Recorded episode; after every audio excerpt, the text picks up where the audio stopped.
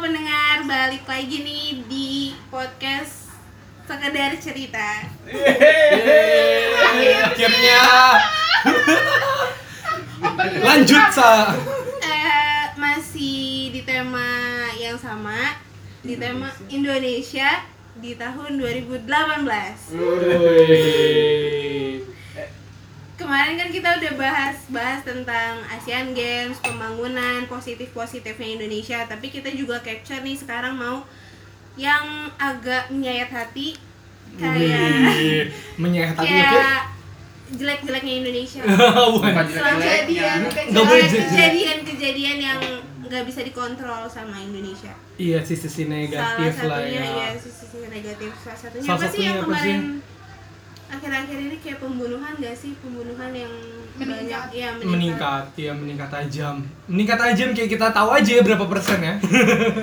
Datanya boleh. Datanya. Tingkat stresnya makin kali ya. sebenarnya bukan Iya. tia kita ngangkat pembunuhan ini guys sebenarnya bukan karena kita nggak tahu sih datanya sebanyak apa atau bla bla bla tapi kita tuh termasuk orang-orang yang capek ya kalau misalnya ngeliat berita Dengar terjadi kasus. pembunuhan terjadi perbunuhan terjadi pembunuhan ini kali ya. iya gue lebih pengen kita di sini pengen membangun awareness bukan awareness kayak kenapa sih pembunuhan ini terus-terusan terjadi Kenapa Iya. jalan itu yang gitu?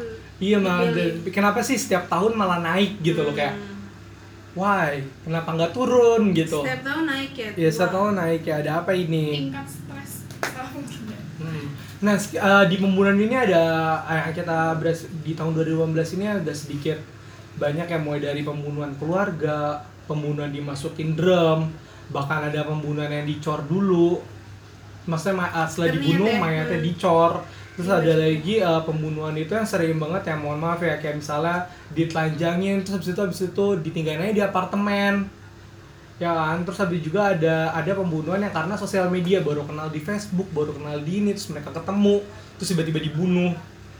Nah hal yang kayak gitu tuh yang bikin sebenarnya kayak kok aneh ya bisa kayak gitu ya. Menurut kalian karena apa sih? Kayak misalnya orang-orang itu sampai ngambil jalan bunuh itu? Iri hati balas dendam. Iri hati dengki dengki nggak bisa ngeliat orang senang gitu kan. Itu iri Erika. Sama. Aja kan maksud gua. Aduh salah lagi gua. Salah mulu gua. Dua episode. dua episode gua salah gua sorry. ya Allah. Iya sih sebenarnya udah banyak banget. Nah salah satunya pembunuhan keluarga. Gue sih emang film-filmnya lagi ada pembunuhan? Gimana sebenarnya nyontoh kali ada iya. kayak gitu? kayak Enggak sih kan? Padahal KPI bisa jadi sih. Mm-mm. kan sekarang kayak teknologi apa segala macam Hmm. kan anak kecil aja sekarang udah bisa megang gadget or apa sebenarnya nggak bisa kita disalahin juga teknologi karena ya nggak balik ada lagi ke orangnya sih. orangnya. Sebenarnya lebih kayak tingkat stresnya atau apanya yang nggak bisa kontrol diri sendiri atau apa. Dan yang paling eh, sebenarnya sih dari segala lain berita itu adalah yang paling menyita gue adalah pembunuhan keluarga sih. Oh gila sih kayak misalnya ada orang yang benar-benar kayak niat banget gitu buat ngebunuh satu keluarga ya kayak ah gue bunuh lah satu keluarga ini sampai anak-anaknya gitu Bencinya sampai sana padahal belum tentu anaknya ngapain sih pasti nggak tahu apa-apa kan? Atau Iya. ya mungkin bisa jadi kalau dia pembantu terus diapain gitu ya mungkin ya. pas lagi ngebunuh Hmm. mungkin mereka Mereka ngeliat, lihat saksi mata, Saksi mata. daripada gua kena. Yalah, gua bunuh sekalian. Iya benar. Namanya orang. Mungkin lagi emosi juga kali ya Iya, nggak bisa betul. kontrol emosi. Ya, nah di di tahun 2018 eh, sebenarnya ada pernah gue ngambil di CNN Indonesia. Itu ada sudah banyak pen- ada peningkatan di pembunuhan keluarga ini. Untuk di tahun 2000 sepanjang 2016 sampai 2018 2016 ini kasus pembunuhan keluarga cuma ada satu. Di tahun 2017 itu kasus pembunuhan keluarga ada tiga. Tapi di tahun 2018 itu total pembunuhan keluarga itu ada lima. My god, keluarga cuy, keluarga. lima keluarga. Lima keluarga. Lima keluarga. lima keluarga dan itu sebenarnya indah. Sebenarnya selain itu ada yang yang agak sedikit me, gua herankan adalah alasannya. Kalau di tahun 2016 itu motifnya itu adalah di CNN Indonesia itu adalah karena perampokan. Hmm, karena harta ya. harta ya misalnya dia Wajar merampok. Wajar gak sih iri. Oh, iya. Enggak, nggak nggak wajar nggak wajar. nggak boleh diwajarkan. Tapi kayak masuk akal. ya. Maksudnya sama. dasarnya tuh ya harta kuat dia ada ada kan, dasar iri, kuat. iya. bukan kayak semena dia ngerampok dia Iya. ngerampok mungkin kalau karena dia self defense keluar dia Iya, self defense akhirnya udah bunuh aja Iya, gitu. terus apa? Di tahun 2017 itu adalah motifnya karena yang pertama ada utang terus ada juga karena dendam sehingga pakai ilmu hitam sering Wow. saling nyantet. Masih ada terus habis itu pelaku memiliki masalah terkait warisan dan keluarganya. Saudara dong. Iya warisan bunuh gini. Makanya gue kayak telenovela ya kita warisan kayak gitu dipermasalahin ya. Ya gue suka suka suka bingung gitu loh kenapa warisan dipermasalahin ada segitunya gitu. pelajaran ya besok dicatat dari punya siapa punya siapa mau dikasih ke siapa Iya, dikasih ke iya. siapa. Nah, ada yang lewat. Ya sebenarnya warisannya ya nggak terlalu jadi masalah kalau misalnya yang dapat adalah misalnya si A, si B, ya nggak usah sama-sama cara keluarga juga nggak sih? ya Iya. Terus habis itu ya dan tapi nih di tahun 2018 itu ada alasannya adalah karena pelaku merasa sakit hati waduh sama majikannya. Terus dibunuh karena istrinya nyicil mobil tanpa sepengetahuan suaminya.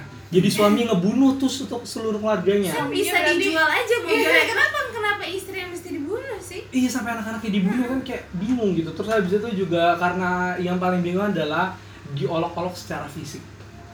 ya itu kan Body sekarang shaming. makanya body shaming Body shaming. kan Iya. ya kan bullying Body shaming. Ya kita nggak mungkin sih kalau di antara kita berempat nggak ada mungkin yang kena body shaming. Kita kan Oh, kurus-kurus oh, semua. gimana gimana gimana kalau udah kebal udah kebal hatinya kalau di body shaming sama mereka kebal kayak udah tiap hari body shaming Bodo udah rutin Bukan karena udah kebal emang karena kita bicara itu. Iya, fakta. Nah sebenarnya ya selain kenapa sih karena dendam-dendam ini tuh orang-orang lebih memilih untuk membunuh gitu loh.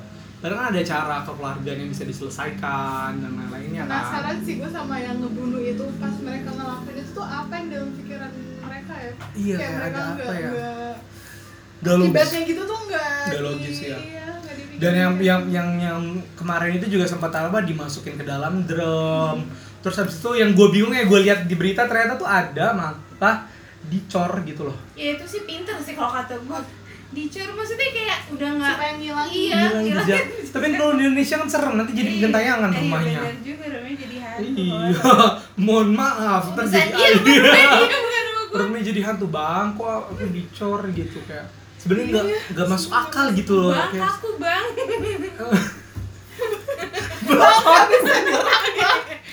iya iya kayak ya itu sih sebenarnya di sini eh, terus habis itu ada juga nih eh, pembunuhan karena dating apps Media sosial. Sa- media sosial. BBM. apa gue ya Nah, sebenarnya gue mau nanya nih, kan karena kebanyakan yang kejebak ini adalah cewek-cewek nih ya. Cewek-cewek. Sebagai Sasa dan Erika adalah cewek di Cewek-cewek sini. yang dibunuh. Ya maksudnya kebanyakan cewek-cewek yang dibunuh Jadi nih. korban, jadi iya, korban iya. lah ya. Gue mau nanya nih seberapa, misalnya kalian main dating apps atau apalah ya, kenal sama cowok di sosial media. eh sampai mana sih sebatas apa kalian yakin untuk ketemu sama dia? Kayak misalnya gue bakal ketemu dia kalau dia gini gini gini atau kayak gimana? kalau gue ya jelas udah misalkan bener-bener udah chatnya intens gitu maksudnya udah tahu bener-bener dia terus kayak foto-fotonya Fakta, nggak iya. fotonya kayak cuma kelihatan rambut gitu kan takut ya.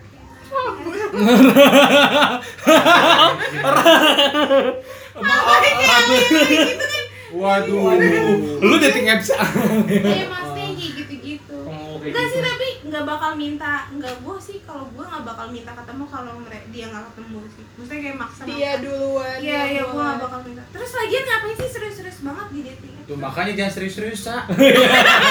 Terus kalau lu, kalau lu R, kalau lebih ke informasi yang dia kasih ke kita tuh Iya. emang bener sesuai kayak gimana misalnya- kita tahu dia bener apa enggak enggak kayak kan misalnya kan ada kan orang yang bohong kayak misalnya enggak Hmm.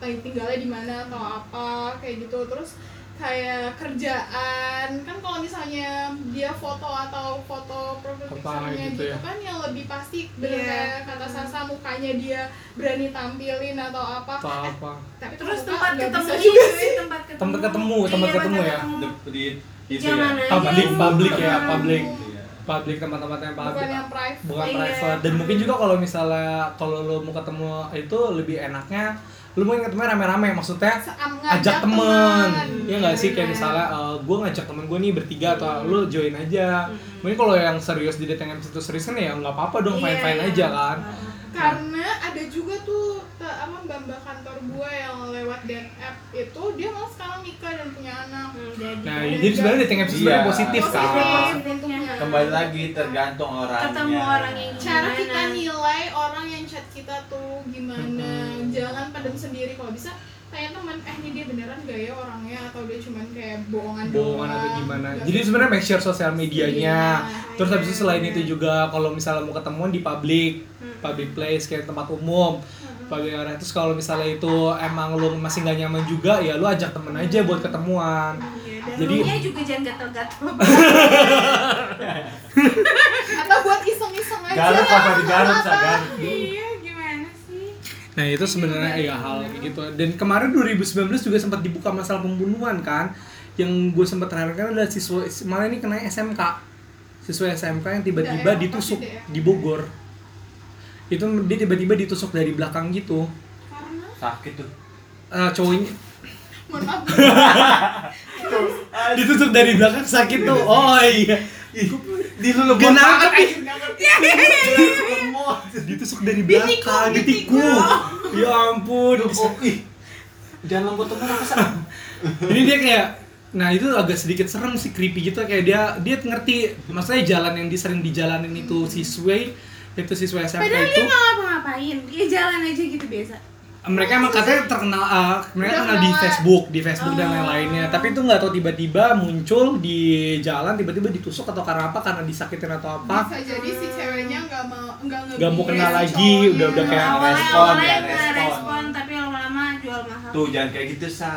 iya sasamul Jadi Bahkan positif ya gue. Banyak Sa-Sa. Hmm. kayak Gue sebutin Ah. apa ini? Astagfirullahaladzim. Yang gendut-gendut. back to topic lu Terus ya oke lah, sekarang kan sekali selain pembunuhan di 2018 2018 ini kita harapin lah semoga udah nggak ada lagi di 2019 kayak gitu-gitu ya. Amin. Belajar Bisa lebih lebih. Lebih iya, berkurang kayak- lah. le- apa Ya ya, educate ya, yourself lah ya. Iya, edu-. Jangan jangan salah-salah langsung ketemu sama orang atau Iya. apa. Dan yang paling penting adalah jangan selesaikan masalah melalui hal yang kayak gitulah. Hmm. Kayak misalnya lu disakitin, lu disindir disindir badan lu bla bla bla bla tapi langsung ngebunuh nggak kayak gitu caranya. Iya. Kalau nggak Ya kayak tadi emang sakit sih ya kan body Hmm. shaming Maksudnya sekarang udah ada peraturannya lo laporin aja Iya. Mengotori tangan lo sendiri gitu sih Kalau nggak lo kayak tadi apa karena cicilan lupa ya tinggal jual aja mobilnya lagi kan selesai. suami lagi gila tuh ya suaminya Suami Gak ada cita-citanya emang tuh sama istrinya Iya. Ini emang udah ada motif buat cari yang lain Bis- ini saja nih Jadi Nah, oke selain Obat itu pembunuhan selain Awal pembunuhan tahun itu 2018 aja tuh kan juga ada ya yang kayak sekarang tuh kita ngerasain bencana-bencana kan Hmm, sebenarnya dari awal juga ya.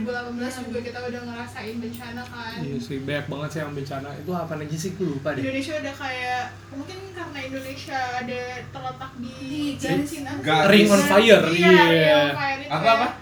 Ring on fire. gitu Apa? Apa sih namanya tuh eh, cincin merapi ya namanya. Apa sih gue lupa. Mungkin mereka lagi pada aktif semua ya.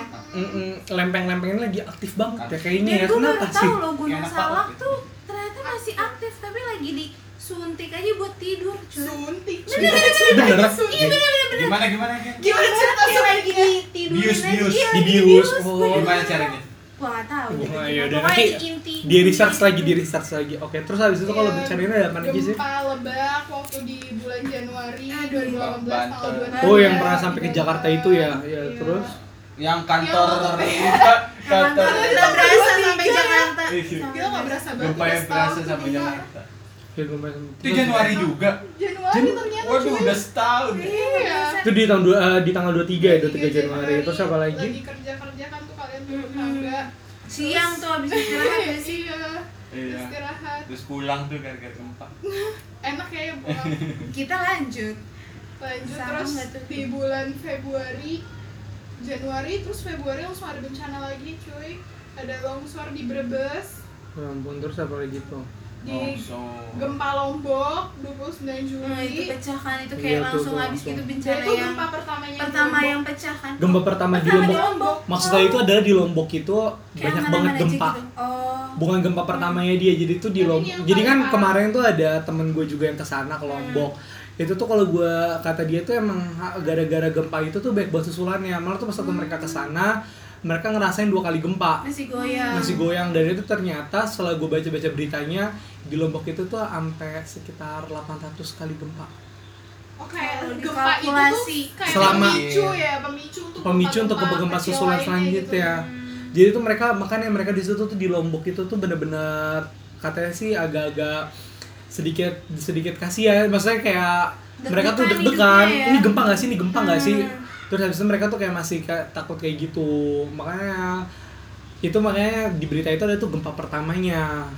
Kayak gitu. Yang pemicunya. Hmm. Terus lanjut di bulan September 2018 tanggal 28 itu ada gempa sama tsunami Palu. Terus diikuti sama yang likuifaksi itu yang iya iya tiba-tiba iya tiba-tiba. tanah kayak encer Lucu gitu. sih dia. kayak encer gitu. Eh, sumpah itu serem sih menurut gue ya terus habis itu ada apa lagi ada angin puting beliung di Bogor Hmm. 6 Desember 2018 Hmm. nah yang waktu mau tahun baruan hmm, tahun ada baruan. tsunami Selat Sunda yang dampaknya tuh ke Lampung sama ke Anyar dan sekitarnya Banten iya iya diwarnai dengan tsunami tahun baruan iya sih bener sih 2019.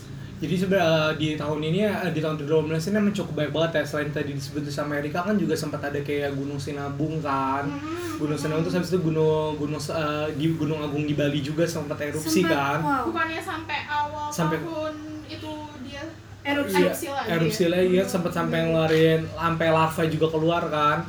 Dan itu kayak banyak banget tema kita tuh kayak lagi diuji banget di tahun 2018 ini sih. atau emang iklimnya atau ngerti badai-badai sih, itu, iya, El Nino gitu, itu. nggak? tua. El Nino. bukan bukan bukan. angin apa sih tuh?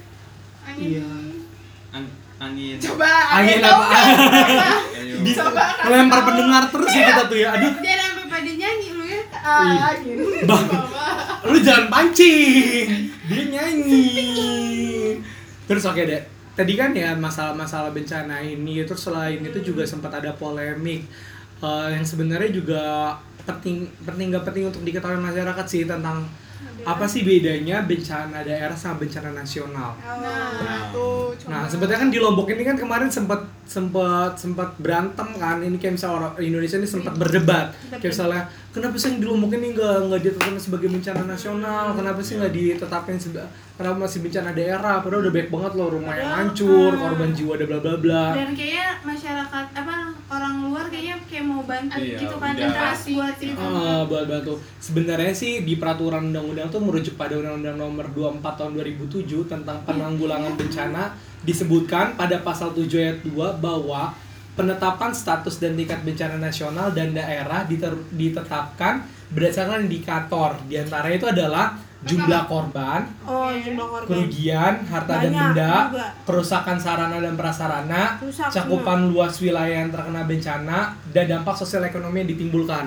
Tapi Hmm. kelemahannya itu adalah indikator-indikator ini adalah tidak ada tarafnya kayak misalnya Oh, sampai berapa juta berapa? baru siapa yang menentukan maksudnya sebesar apa sebesar, sebesar apa apanya? sebesar apa itu nggak ada. nanya jumlah korbannya harus berapa kalau sampai apa Nah nggak ada sebenarnya. Jadi itu sebenarnya cuma kayak indikator. Tapi indikator-indikator ini yang harus diperhitungkan ketika kita menetapkan ini menjadi bencana nasional. Hmm. Nah kemarin itu sempat sempat polemik nih. Eh, kan menurut kalian gimana nih? Kalau misalnya apa sih kalau misalnya kelebihan dari bencana nasional, bencana Ruginya daerah, gitu. ruginya? kalau misalnya jadi maksudnya kalau bencana nasional kalau lombok digabung palu gitu bisa jadi bencana nasional nggak sih maksudnya kan ya se Indonesia jadi karena mungkin nggak bisa di Tapi yang timingnya jauh Iya, kan? Kemarin kan Juli sama iya, September kan? Juli sama September. Itu cukup jauh, cukup jauh. Terus habis itu kalau bencana nasional itu kan positif sih sebenarnya harusnya ada ya maksudnya sisi positif bencana- negatif iya sebenarnya sih, sih. bener. Kan kalau gimana eh, bila wisatawan kali ya Iya. Eh, nanti kalau buat buka eh, untuk kalau misalnya baby. gempa Lombok ini sebenarnya apa sih keuntungannya kalau misalnya dia jadi bencana nasional ya Jadi- seperti Asari Iya, jadi ben- eh bencana. Bantuan, bantuan, bantuan jadi boleh masuk. Kalau Bantuan-bantuan jadi ditetapkan Iya, untuk iya. eh, jadi Bencana. bencana nasional. Bantuan dari mana? dari luar Luar negeri. Oh, terus nah. kayak nama Indonesia mungkin jadi ah bencana Iya. nih mungkin harga apanya Ah, turun itu sisi IHSG negatifnya sih. turun Hmm. bisa nggak sih Nggak tahu Tapi- gitu gitu tapi eh, ada satu negara yang emang dia udah do kayak nyisiin uangnya gitu untuk donasi ke bencana Indonesia sih yang gua tahu ya Oh, Gua negara apa tuh? negara apanya sih Oh, Oke sih sebenarnya ya tadi yang bicara nasional itu sisi jeleknya adalah dia itu nggak bisa kayak apa Hmm. Dia dia dia dia itu menutup buat keran keran bantuan-bantuan dari luar. Nah tapi kalau buat bencana nasional iya kalau bencana nasional ini yang bahaya adalah nanti ada travel bandit buat Indonesia. Jadi Indonesia ini nggak boleh tuh ada yang datang ke Indonesia dulu nanti orang-orang luar negeri tuh kayak sebenarnya kan bencana itu cuma misalnya hanya di Lombok. Hmm. Sedangkan di Jogja dan lain-lain masih bisa kita kunjungi kan gitu. aman. Hmm. Tapi kalau ada travel bandit itu mereka semua langsung kayak nyabut Kesannya gitu. se-Indonesia ya. Nah, makanya itu kemarin itu sempat kayak bingung gitu pemerintah mau dijadiin apa sih nih bencana nasional atau bencana ini. Hmm. Dan ditambah lagi tuh indikatornya adalah kita cek lagi nih kalau bencana nasional itu eh, masih bisa dilakuin sama gubernur nggak? Gubernur kan masih bisa nanganin nggak? gitu. Oh, Daerah sendiri bisa bisa. masih nanganin atau enggak? Kan kalau misalnya kemarin Aceh itu kan bener-bener disapu bersih ya, maaf ya kan salah. parah banget, Semuanya bener-bener udah udah nggak aktif, Rata. rata. Memorable banget itu Aceh Iya, Iya, iya. maksudnya termasuk Palu kan juga kemarin karena Palu kan langsung jadi bencana nasional kan, karena emang udah tsunami, udah itu jedanya tuh gempa dulu kan, terus beberapa menit kemudian langsung ada air tinggi, terus beberapa hari Iya, kemudian likuifaksi itu, dan itu langsung jadi bencana nasi- eh, bencana nasional sehingga itu benar-benar benar-benar emang dampaknya parah banget, ya kan, terus habis itu ya kemarin itu juga sempat gue ngeliat di tweet-tweet orang luar, maksudnya sempat ada di pemberitaan-pemberitaan luar itu itu ada di BBC, di BBC itu dia tuh nangkep nih eh, nge-tweet gitu lah jumlah korbannya. Ada berat eh, ada beribu jiwa yang korbannya di Palu ini. Terus orang luar bilang kayak misalnya ini bener hitungannya nggak salah. Hmm. Kayak misalnya itu coba deh kalau kalian tadi gempa uh, ada berapa bencana hampir 5 uh, Iya, lima lebih lah hampir, ya hampir. terus jiwa yang kambil itu hampir sera- 100 sampai seribuan itu berarti berapa ribu orang yang udah meninggal berapa ribu orang yang keluarga yang ditinggalkan berapa ribu orang nambah Iya. yatim piatu Itu kasihan banget sih kalau ngomongin yatim piatu. Kayak nggak tega ngeliat anak kecil. lihat gitu. anak kecil Hmm. Sedih aja. Iya sih Ingus, ingus. Kok lu ketawa sih? bener-bener lu gak hati Empati lu. gak ada empati lu Gue buta ini dan mana Gimana emang? Azur itu ya Allah, ya Allah, ya Allah. Ngerti gak sih? Kasihan cuy. Iya sih ya kayak kemarin sempat video-video yang viral itu salah. kan yang anak- yang sempat video-videonya viral yang anak-anak apa sih yang kayak yang Jokowi apa sih meluk anak itu terus habis itu kayak dia ya lu gini aja deh nonton film The Impossible gak sih? The Impossible yang kata yang bencana itu yang tsunami yang keluarga bareng-bareng yang terus yang kita Oh, tonton I di puncak know, itu I loh know, I know, I yang kita know. tonton di puncak Dan di akhirnya puncak. keluarga itu bertemu kembali. bertemu kembali. Iya. Nah, maksudnya nontonnya aja tuh Sedih. sedih, Sedih, banget ah. apalagi lu Ngerasain itu. Allah, amit-amit lah ya, misalnya. nah kayak hal kayak gitulah terus habis itu ya sebenarnya selain itu kita juga mulai aware terhadap bencana-bencana yang selesai ini adalah PR Indonesia di tahun 2019 ya nggak sih lebih aware sama hal-hal bencana kayak gini nih kayak misalnya temen gue ini juga sempet eh, temen gue ini kan dekat sama eh, maksudnya kenal lah sama orang luar terus habis itu dia sempat ditanya kenapa sih korban jiwa di luar negeri eh, kor- kenapa korban jiwa tsunami itu banyak banget Hmm. Karena bisa- belum ada peringatan waktu itu. iya nah Minim, minim. Nah, dia mini peringatan kan. Sedangkan orang luar itu menyangka kan kan padahal kan udah diperingatin. Jadi mereka kan udah diperingatin kenapa mereka masih stay. Sebenarnya kan aslinya kita nggak ada peringatan sama Iya. Ya, sekali. dia udah kayak air Contohnya aja, jur aja tiba-tiba waktu datang gitu kan tsunami Selat Sunda itu kan sebenarnya Nah, kalau Selat Sunda susah kan? Krakatau Iya. sebenarnya erupsi Krakatau tapi BMKG salah info Iya. kan segala macam cuman ombak tinggi ombak tinggi dan ternyata Hmm, ada erupsi. Ya masih Ada- ya Nggak hal ada yang kayak gitu nggak ada yang ya, tahu. bencana. Tapi sebenarnya emang nggak ada nggak ada salahnya juga buat kita buat meningkatkan awareness kita terhadap bencana-bencana ini kayak mulai dari cara menanggulanginya mulai tuh CV CV eh kok CV CV sih kayak yang penting Mau ngelamar kerja ya gua? Nggak fokus gua ini habis bikinin CV orang Surat-surat penting. surat-surat penting maksud gua loh surat-surat penting kayak mulai dari akte lahir segala macam tuh mulai di scan scan Surat-surat tanah. surat-surat tanah itu di scan semuanya terus habis itu KTP terus juga selain itu lo lebih kayak nyimpen apa tuh nyimpen barang-barang makanan baju, lu bawa ya nanti iya. semoga sempat ngebawanya Nggak yakin sih gue itu pasti udah. ya maksudnya ya siap-siap aja aja. Iya, Terus janjian tikum, tikung sama tikung keluarga. sama keluarga mulai di di jadi ini mulai deh lu wa, maksudnya uh, ada WhatsApp keluarga maksudnya itu ada satu grup keluarga mulai dia ngomongin habis dengerin podcast lu mulai dengerin dia namanya sebenarnya mau kayak gimana Iya, bener. ya nggak sih Iya, gue aja nggak tahu, Ah. belum kepikiran tuh kalau harus ada tikum-tikum itu. loh. Iya, tapi butuh sih buat antisipasi. Tapi lu kalau misalnya kayak gitu suka sedih gak sih? Kan lagi bencana gini ada yang meng apa sih ngebahas kalau misalkan dia salah sendiri emang karena negara lu apa sih kota lu kota lu kota itu yang bencana tuh kotor apa maksudnya kayak gimana Negatif. sih negatif Itu, ya banyak iya. hal-hal negatif yang kayak gitu tapi Pemicunya tuh itu kan, karena hmm. banyak hal negatif yang terjadi di kota itu padahal nggak karena itu aja mungkin Iya. kan karena lokasi daerah itu sendiri iya bisa itu banyak titik-titik gempanya yang memang terjadi gempanya ya sih maksudnya Apa. orang Indonesia ini selain Selalu. educate tentang itu dia itu harus educate juga kayak misalnya kenapa lo harus blaming suatu hal yang nggak Iya. penting Ah, ya nggak sih kenapa lo harus lebih memfokuskan hal yang nggak seharusnya lo fokusin? Padahal cuma cukup tahu daerah lu tuh bakal rawan apa sih bencananya. Iya, kayak nggak perlu kayak misalnya, iya kan itu tempat maksiat apa apa, ya itu terlepas dari hal itu, ya namanya juga bencana kita nggak ada yang tahu kan, kapan kita meninggal dan ya lain-lainnya. pelajaran aja gitu dan Mm-mm. mungkin bisa nggak sih tsunami terus lu ya udah bisa belajar berenang nggak bisa juga ya? Itu itu aja gue kan. Berenang gimana? Dari kepentok-pentok gitu kan dari mobil. pengalamannya yang Seventeen itu ya apa sih yang Iya. vokalisnya yang kalian dia kayak ngegulung apa aja itu Iya, gue nggak bisa ngebayangin sih rasanya gimana iya benar Ya maksudnya lu aja ke bawah ombak aja juga Ombak ya kayak panik gimana aja sih? gitu dalam Ah, udah iya sih, panik bener. gimana yang pas tiba-tiba air ada lagi nggak kondisi siap gitu Siap. atau apa Atau apa? Udah kebayang sih. ya udah bencana aja emang udah apes Ya semoga sih di eh, nah selain itu juga kita juga ngajak nih buat teman-teman semua menyisikan sedikit mungkin dari Rezeki. rezekinya. Hmm. Jangan lupa kalau misalnya selain kita emang nggak bisa bantu langsung atau nggak bisa selain kita doain mungkin kita juga bisa bantu mereka buat ngasih sisihkan rezeki kita ke berbagai ke berbagai bagian eh ke berbagai apa sih komunitas Lembaga. dan lain-lainnya. Hmm, udah sih mungkin itu dari kita ya. Jadi tahun 2018 ini secara rekap itu adalah selain kita ada pembangunan, terus sabar tadi kita ngomongin juga Asian Games yang yo ayo ayo itu yang berhasil dan luar biasa. Terus habis itu juga ada sisi lainnya dari 2018 yang kita capture itu seperti tingkat pembunuhan yang mulai meningkat banget. Terus habis itu karena hal-hal yang mulai sepele ya, karena pembunuhan ini yang bikin kita itu gara-gara mulai alasannya mulai mulai sepele sih. Terus habis itu yang keempat itu adalah masalah bencana ini dan kita harap sih di 2019 ini yang berkuranglah bencana-bencana dan kita lebih aware lagi Indonesia buat menanganinya. Ya udah sekian untuk di episode kita yang ke empat. Nah, follow follow Instagram kita di mana?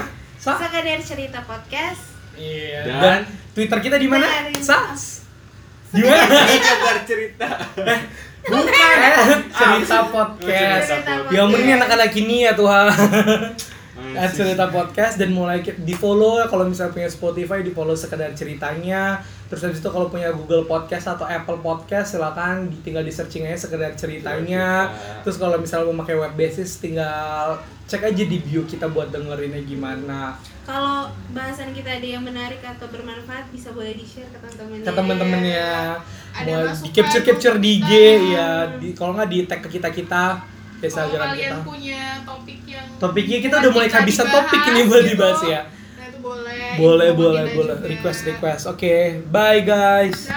Bye